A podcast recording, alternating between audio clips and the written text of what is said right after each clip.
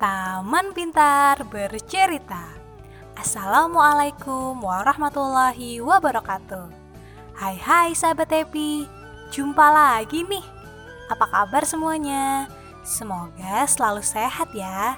Amin. Nah, biar sahabat Happy tidak bosan di rumah Kita dengar cerita aja yuk. Cerita kali ini berjudul Danau Toba diambil dari dongeng cerita rakyat.com yang akan dibacakan oleh Kak Nevi, Kak Yuli, Kak Handika, dan Kak Erlinda. Ini dia kisahnya. Selamat mendengarkan.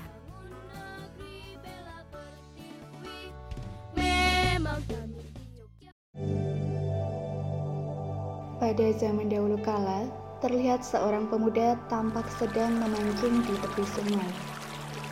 Namun naas, sepanjang hari itu tak ada seekor ikan pun yang terkena alat pancingnya. Pemuda itu sangat miskin. Sehari-hari, ia membantu tetangganya menjaga sawah. Jika tak ada yang meminta bantuannya, ia memancing ikan atau berburu ayam di hutan. Alangkah malangnya nasibku hari ini. Ikan-ikan itu bersembunyi di mana ya? Tanyanya dalam hati. Karena hari sudah gelap, ia pun segera membereskan alat pancingnya. Saat pemuda itu hendak beranjak pergi, tiba-tiba seekor ikan besar berwarna kuning keemasan naik ke permukaan sungai. Wah, ini dia yang kutunggu dari tadi. Kata pemuda itu dengan riang. Secepat kilat ditangkapnya ikan itu. Sesampainya di rumah, pemuda itu bersiap memasak ikan tangkapannya. Namun, melihat tatapan ikan itu, ia mengurungkan niatnya. Ikan itu seolah-olah berkata, Jangan bunuh aku. Ikan cantik, aku akan memeliharamu. Biarlah malam ini aku makan nasi blok garam saja. Kata pemuda itu. Ikan itu ia letakkan di sebuah tempayan dan diberi makan beberapa butir nasi. Keesokan harinya, pemuda itu pergi ke sawah. Hari sudah sore ketika pemuda itu pulang. Saat itu ia sungguh lapar. Ia berencana untuk memasak sayur yang didapatnya dari pemilik sawah. Saat memasuki dapur, mata pemuda itu terbelalak ia melihat banyak hidangan lezat di sana. Ada nasi putih, gulai ikan, sambal, dan aneka sayuran. Ia mengucuk mata karena tak percaya. Apa aku sedang bermimpi? Pikirnya. Namun karena sudah sangat lapar, ia tak lagi berpikir panjang. Dilahapnya semua hidangan itu sampai licin tak tersisa. Sejak itu, setiap hari selalu tersedia hidangan lezat di rumahnya. Lama-kelamaan, ia menjadi penasaran dan memutuskan untuk mengintip siapa gerangan yang menyediakan makanan. Ia ingin berterima kasih. Keesokan paginya, pemuda itu berpura-pura pergi ke sawah. Namun sebenarnya ia bersembunyi di dekat jendela dapurnya. Tak lama kemudian, ia mendengar kesibukan di dapur. Aroma masakan pun tercium sampai keluar. Penasaran, ia mengintip dari jendela dapur. Alangkah terkejutnya ia saat melihat seorang gadis cantik sedang memasak. Siapa dia? Bisiknya. Dalam sekejap, pemuda itu langsung jatuh cinta pada wanita itu. Hai, Siapa kau? Dan sedang apa di rumahku? Tanya pemuda itu. Wanita cantik itu menoleh kaget. Wajahnya pucat pasti karena ketakutan. A aku bagaimana menjelaskannya padamu? Katanya bingung. Pemuda itu melompati jendela dapur dan melongok ke tempayan. Ikan itu hilang Apakah kau ikan yang kupelihara di tempayan ini? Tanya pemuda itu menyelidik. Eh, um, benar. Aku adalah siluman ikan. Akulah yang memasak setiap hari. Aku berterima kasih karena kau tidak membunuhku. Jawabnya. Pemuda itu senang. Ternyata ikan yang ditangkapnya adalah seorang wanita cantik.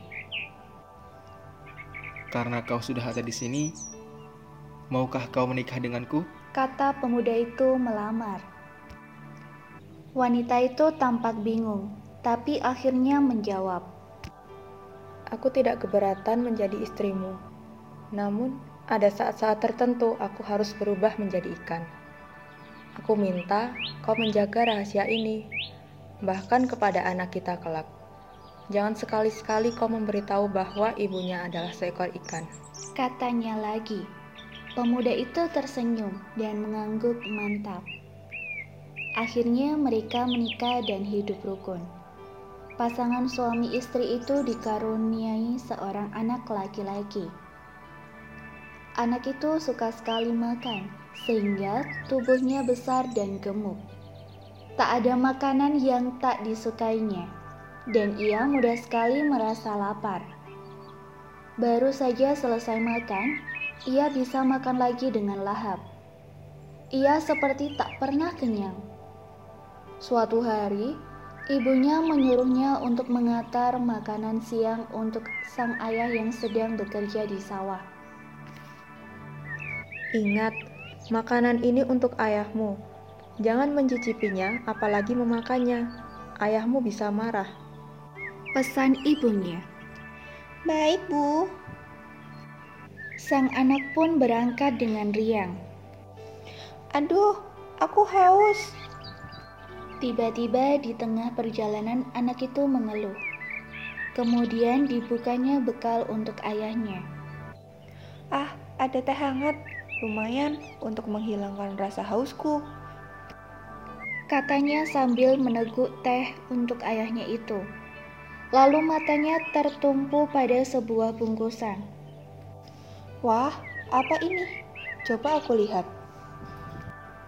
Ternyata bungkusan itu berisi nasi dan sepotong ayam goreng. Air liurnya langsung menetes. Jika aku memakannya sedikit saja, tentu ayahku tak akan marah. Tak sadar ia sudah melahap habis semua makanan itu. Yang tersisa hanyalah tulang-tulang ayam. Anak itu ketakutan, tapi ia tetap harus menemui ayahnya. Apa ini? Tulang? Ibu memberi aku makan tulang. Ia pikir aku kucing. Teriak ayahnya dengan marah. Sang anak memandang ayahnya dengan ketakutan. Ia tak tega jika ibunya yang disalahkan. Ayah, bukan salah ibu. Semua ini salahku. Aku yang memakan bekal itu sampai habis. Maafkan aku, ayah. Maafkan aku, ayah. Aku tak bisa menahan diri. Mendengar pengakuan anaknya, sang ayah malah makin marah. Dasar anak ikan. Beginilah jika seekor ikan mendidik anak. Benar-benar tak becus. Teriak ayahnya. Sang ayah lupa pada janjinya sebelum menikahi istrinya. Ibu, ayah mengataiku anak ikan. Katanya ibu tak becus mendidikku karena ibu adalah seekor ikan. Apa itu benar, Bu? Si anak pulang melapor pada ibunya sambil menangis. Ibunya terkejut. Rupanya, suamiku sudah lupa pada janjinya. Ketika suaminya tiba di rumah, istrinya berkata, Mulai saat ini, aku akan membawa anakku pulang ke alamku. Jangan pernah berharap kau bisa menemui lagi. Belum sempat suaminya menjawab, langit menjadi gelap dan hujan turun dengan derasnya. Siluman ikan itu mengajak anaknya keluar dari rumah dan berdiri di tanah lapang. Petir menyambar-nyambar dan tiba-tiba tubuh ibu dan anak itu hilang entah ke mana. Hujan pun reda seiring dengan hilangnya mereka. Sang suami tak dapat menemukan mereka. Ia menyesal dan meratapi kesalahannya. Istriku, anakku, kembalilah. Maafkan aku yang telah mengingkari janji kepada kalian. Namun semuanya sia-sia. Tiba-tiba dari tempat ibu dan anaknya tadi berdiri, muncullah mata air yang cukup deras. Airnya terus mengalir hingga membentuk danau yang cukup luas.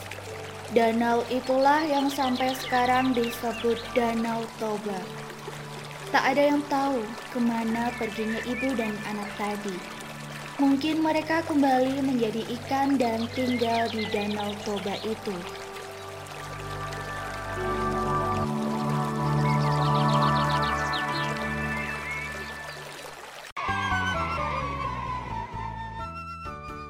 Sahabat Tepi, demikian tadi cerita dengan judul Danau Toba dari Sumatera Utara. Pesan moral yang bisa diambil dari cerita tadi adalah Tepatilah janji yang telah kau buat. Ingat, mengingkari janji akan membuat orang lain kecewa. Oke deh sahabat Tepi, tetap pantengin ya podcast Taman Pintar Bercerita dan nantikan cerita kita selanjutnya. Wassalamualaikum warahmatullahi wabarakatuh. Taman Pintar Yogyakarta, mencerdaskan dan menyenangkan. Salam pintar.